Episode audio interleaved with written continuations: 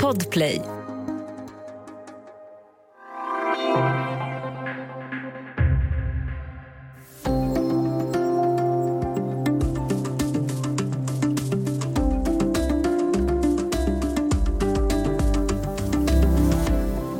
Idag inleddes ett eh, nytt och mörkt kapitel i Europas historia. Ryssland invaderar ett europeiskt land och hotar en demokratisk regering vald av det ukrainska folket. Så sa statsminister Magdalena Andersson under en presskonferens några timmar efter Rysslands anfall på Ukraina. Vi befinner oss i den största säkerhetskrisen sedan andra världskriget. Vad innebär det här för Sverige och för svensk politik? Välkommen till Studio DN. Jag heter Sanna Thorén Björling. Och idag har vi med oss Eva Stenberg som är DNs politiska kommentator. Välkommen! Tack så mycket. Eva, hur skulle du sammanfatta läget just nu? Ja, Sverige vaknade upp till en ny era den här torsdagsmorgonen som kommer att förändra hela det politiska läget. Man kan säga att efterkrigstiden tog slut och det väntar en ny agenda efter att Ryssland har anfallit ett eh, demokratiskt grannland helt oprovocerat och på bred front. Samtidigt som ju Ryssland också har hotat i här i morse andra länder med kärnvapen och eh, krävt en förändrad säkerhetsordning. Så det är ett väldigt allvarligt läge, det allvarligaste jag har upplevt i mitt liv. Magdalena Anderssons regering har ju verkligen fått en rivstart eh, om man ser på vad som har hänt runt omkring. På några veckor har då alltså läget skärpts väldigt snabbt och nu är det krig i Europa. Vilken analys gör regeringen, tror du, av hur kraftfull den här förändringen är? Ja, det, vi hörde ju Magdalena Andersson här i början i, i, i det här ljudklippet från hennes pressträff och, och de bedömer ju det här läget som oerhört allvarligt och har ju täta kontakter också med, med, andra länder. Och man ser ju på länders agerande hur de bedömer det också. Till exempel att Nato ju skickar stora förstärkningar österut till sina medlemsländer där och att man talar om att de ska Eh, förverkliga eller ta, sätta sina försvarsplaner i, i verket och sådär. Eh, och det var väl inte en slump att det flög in amerikanska tunga bombplan i en övning över Sverige eh, och att de svenska JAS Gripen-planen numera bevakar Sveriges kuster i större antal och med tung, med riktig beväpning på. Du som har följt svensk politik länge, hur fungerar ett regeringsarbete dagar som, som de här? Vad, vad, vad händer i Rosenbad? Alla deras vanliga planer blåses ju bort ur almanackorna och det blir helt andra saker. Det finns ett berömt citat, jag tror det är en amerikansk president som har yttrat att utrikespolitik det är one damned thing after another. och, och lite så eh, tror jag att det är för Eh, många stats och regeringschefer att eh, man kan inte styra tillvaron. Man vet inte vad man hamnar i och de saker som man planerade skulle bli de stora händelserna sopas helt bort av en dramatisk utveckling i omvärlden och det är precis vad som har hänt. Magdalena Andersson har fått hon har haft samtal med Finlands president, med Ukrainas president, hon har träffat partiledarna, hon ska på ett EU-möte nu lite senare här på torsdagskvällen för att tala med andra EU-ledare och, och besluta om eh, skarpa sanktioner mot Ryssland. Så, så, att eh, eh, jag antar att hon var uppe väldigt tidigt i morse. Det här var väl vid fyra tiden på morgon svensk tid som attacken inleddes, om jag förstår det rätt. Så hon har säkert varit vaken väldigt länge. Hon har väl haft indikationer innan och det är en dag i väldigt högt tempo. Om man tittar då på den svenska situationen, det finns ju flera bitar här. Vi kom ju precis ut ur en pandemi som är en annan typ av kris, men det har ju också varit en tid då riksdagspartierna eh, har slutit upp bakom regeringen och, och myndigheterna. Och nu känns det som att nu vill de ju ut lite grann och markera skillnaden mellan sig efter att de, eftersom det är ett valår. Och utrikespolitik är ju ingenting som man brukar eh, bråka om, även om det finns oenigheter om Nato och så. Men vad skulle du säga ur det perspektivet? Hur ser uppslutningen ut runt statsministern just nu? Ja, det är väl lite blandad bild, för de partiledare som har uttalat sig har ju mestadels eh, talat om att de vill samarbeta. Jag såg att Jimmy Åkesson manade till någon slags nationell samling och Ulf Kristersson har sagt att man samarbetar i kristider och så. Samtidigt så fortsätter ju en del ha ett väldigt högt tonläge och, och, eh, och liksom vara kritiska mot regeringen från oppositionen. Och, ställa krav så att säga. Så det, det, är väl någon slags balansgång och den varierar väl lite hur de här partierna går. De hamnar i ett svårt läge. De ska gå till val och de vill förklara att det är dags att byta regering och att de har en mycket bättre politik. Samtidigt är det ett läge då där alla demokratiska länder börjar tala om enighet och att visa, Ryssland enighet. Och, och, Sverige visar ju inte enighet i det här läget eftersom det finns en strid mellan riksdagsmajoriteten och regeringen om svensk, den svenska säkerhetspolitiska linjen. Och eh, det är också så att om det skulle bli, vilket ju alltid tyder på, dramatiskt även här i Sverige som en effekt av sanktionerna och det här krigstillståndet och, och den anpassade militära beredskapen och, och risken för eh, cyberattacker och elavbrott och allt vad det kan vara. Då behövs ju riksdagen. Det kan ju behövas riksdagsbeslut. Och det här är en regering som har mindre än 30 procent stöd. Det måste kunna ske ett samarbete, ungefär som det skedde under pandemin då om det behövs anslag till exempel till olika saker snabbt.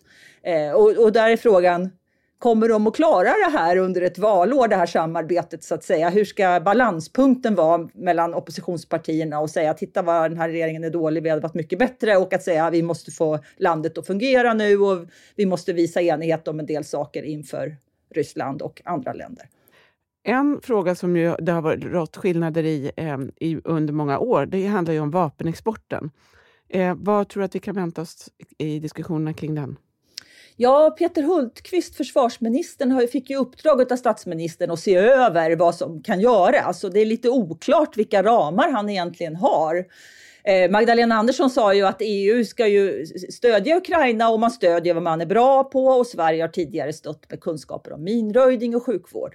Men det finns ju en sak till som Sverige är bra på i Europa och det är att tillverka vapen. Sverige har ju en stor krigsmaterielindustri och Ukraina har ju bett Sverige om hjälp. Ehm, jag är lite ute på hal is nu, men jag tror det är med några slags robotar de vill ha hjälp med som Saab tillverkar. Eh, så, och, och, så de vill ha hjälp med ammunition och med, med vapen och, och, och, snarare då än minröjning. Och eh, då är frågan hur långt är Sverige beredd att gå där? det, det, är inte helt lätt att förstå riktigt den svenska linjen här, för Sverige har ju haft militärer som har utbildat det ukrainska försvaret så att säga och även lärt om hur man ska eh, planera för operationer och sådana saker. Men nu när då Ukraina, som vi då ger mycket bistånd till och stödjer på många sätt och eh, har samma typ av NATO-samarbete som också, nu när de verkligen behöver hjälp, när de verkligen sitter i skiten för att tala klarspråk, då säger man, nej men nu vill vi inte kanske hjälpa er med just det här. Det, det, det, det kanske inte är helt lätt att, och förstå balansgången där. Men vill man så kan man eh, sälja vapen till Ukraina, men då måste man göra ett slags undantag eh, eh från andan i den svenska lagen. Men det finns ett utrymme i den svenska lagen för att göra det om det finns en politisk vilja. Och det är väl det man får se nu då, närmsta dagarna, om det finns det. Eh, utrikesminister Ann Linde, hon la ju fram regeringens politik i utrikesdeklarationen för bara ett par veckor sedan. Och då tryckte hon bland annat på, på vikten av att Sverige står alliansfritt. Eh, det handlar ju också om debatten om Nato. Hur, hur tror du att den utvecklas? Ja, man ser ju idag, där har ju oppositionen eh, till, till, höger, partierna till höger, fortsatt att kräva eh, eh, att Sverige ska gå vidare med NATO-optionen och NATO-medlemskap. Och jag tror att, att de kanske har lite, att det finns lite analysarbete att göra åt alla håll. För dels kan man säga när Sverige säger att alliansfrihet är det som är säkrast, att ja, men Ukraina var ju också alliansfritt så att säga. Eh, då kan oppositionen säga att en NATO-option är bättre, men då kan man ju också invända att den starkaste NATO-optionen av alla, den har ju Ukraina, för de har ju skrivit in i sin konstitution att de vill gå med i NATO. Men det har ju inte heller hjälpt. Nu har ju eh, Ukraina ett helt annat politiskt läge, de är inte med i EU, de har en stor rysktalande befolkning. Och det är massor med skillnader, men man måste ändå dra någon slags analys av det här, vilken hjälp kan man få i Nato respektive utanför Nato och vilken roll spelar det att ha ett starkt eget försvar för de här olika samarbetena så att säga. Eh, hur mycket betonar man att man ska stärka det egna försvaret kontra att man ska försöka få hjälp av andras försvar? Just det. Vi ska alldeles strax tala lite mer om vad kriget i Ukraina får för konsekvenser för Sverige.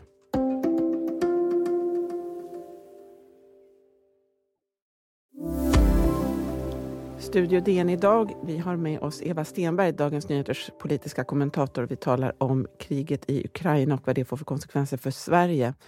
Det är en väpnad konflikt i vårt närområde. Enligt Migrationsverket så kan det leda till ett ökat tryck av flyktingar också mot Sverige.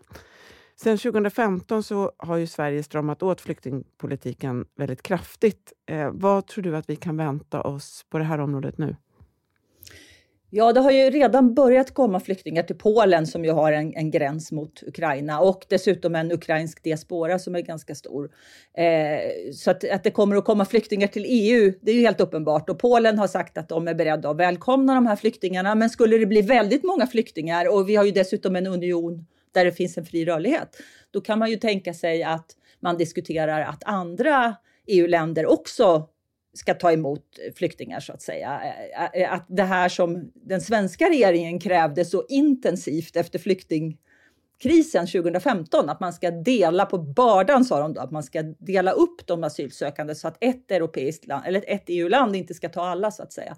Att det skulle kunna bli aktuellt. Och där har man uttryckt sig ganska olika Eh, Magdalena Andersson betonar att Sverige tog en stor del av de asylsökande 2015 och så kan det inte vara igen.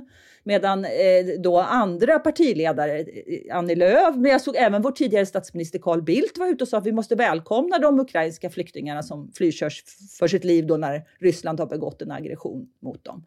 Eh, så, så, att linjerna är inte riktigt som de brukar vara i politiken så tillvida att vi har de som mest har betonat det här att Sverige inte kan ta emot så många, det är faktiskt Jimmy Åkesson och Magdalena Andersson tidigare.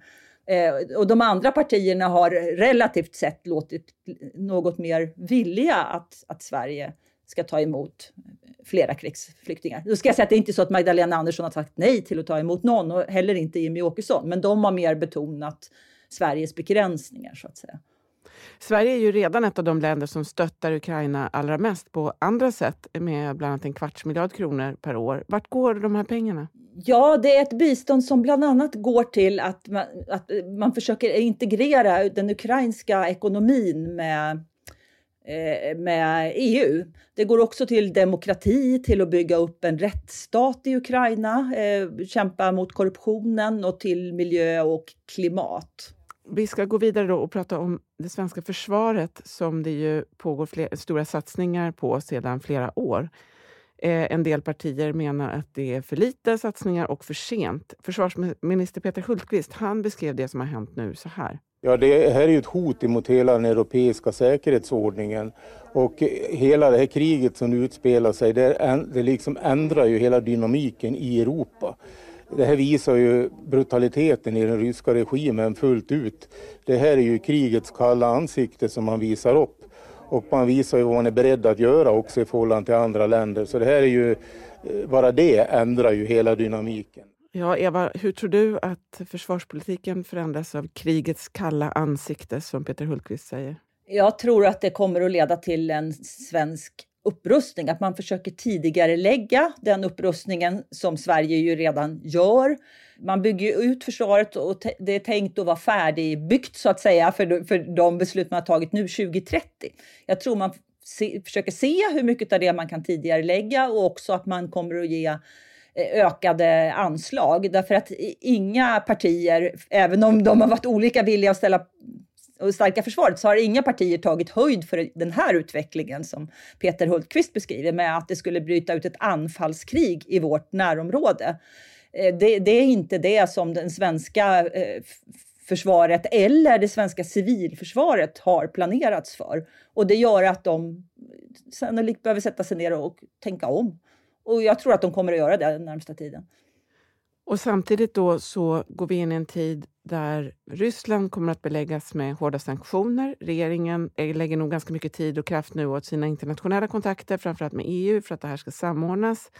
Det där kommer ju att påverka även Sverige, svensk ekonomi, svenska företag. Vad kan man vänta sig av det? Ja, det beror på lite hur sanktionerna ser ut. Det har ju diskuterats om man skulle vägra handla med rysk olja och gas. Eh, det har också funnits de som har sagt att om man jämför andra väldigt hårda sanktioner mot Ryssland, till exempel stänger av dem från det finansiella systemet, så skulle Ryssland kunna svara med att vägra sälja olja eller gas och försöka sälja den österut istället, och till Kina till exempel. Men eh, skulle något av det hända, vilket kanske inte är det mest sannolika då, men skulle det hända då skulle det få en väldigt stark påverkan på Sverige också, indirekt genom att vi tillhör ju en europeisk energimarknad och eh, Tyskland köper ju väldigt mycket gas och olja från Ryssland. Ryssland är ju en stor exportör utav eh, både gas och olja. Så att det, eh, eh, även om det inte händer så kommer det, och vi har ju redan sett att det har fått stor effekt. Alltså nu kostar oljan över 100 dollar fatet idag vad jag hörde och det har inte vad den har varit uppe på tidigare utan det kommer att få en effekt på ännu högre energipriser.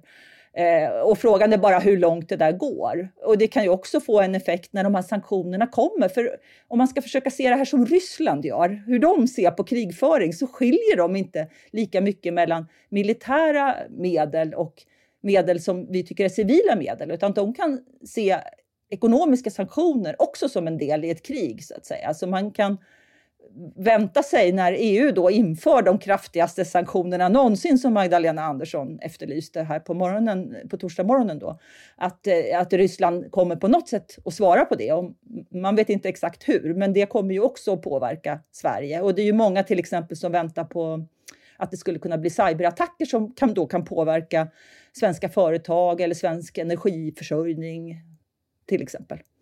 Om vi håller fast vid svensk ekonomi ett tag då. Vi börjar ju vi kan ju då vänta oss en del ekonomisk påverkan som du var inne på, energipriset till exempel. Hur tror du att det där kommer att påverka regeringen och, och de andra partierna och deras, de, de förslag eller den politik som, som drivs? Ja, vi har ju faktiskt redan sett att de har gått in med ett stöd med anledning av höga elpriser här. Det var ett antal miljarder som man subventionerar elkonsumenterna med eftersom det har varit så dyrt nu i vinter och risken är ju oerhört stor att det kommer att bli ännu dyrare så att säga. Sen beror det väl på hur kallt det blir det som är kvar av den här vintern. Det är ju ändå på väg mot sitt slut då.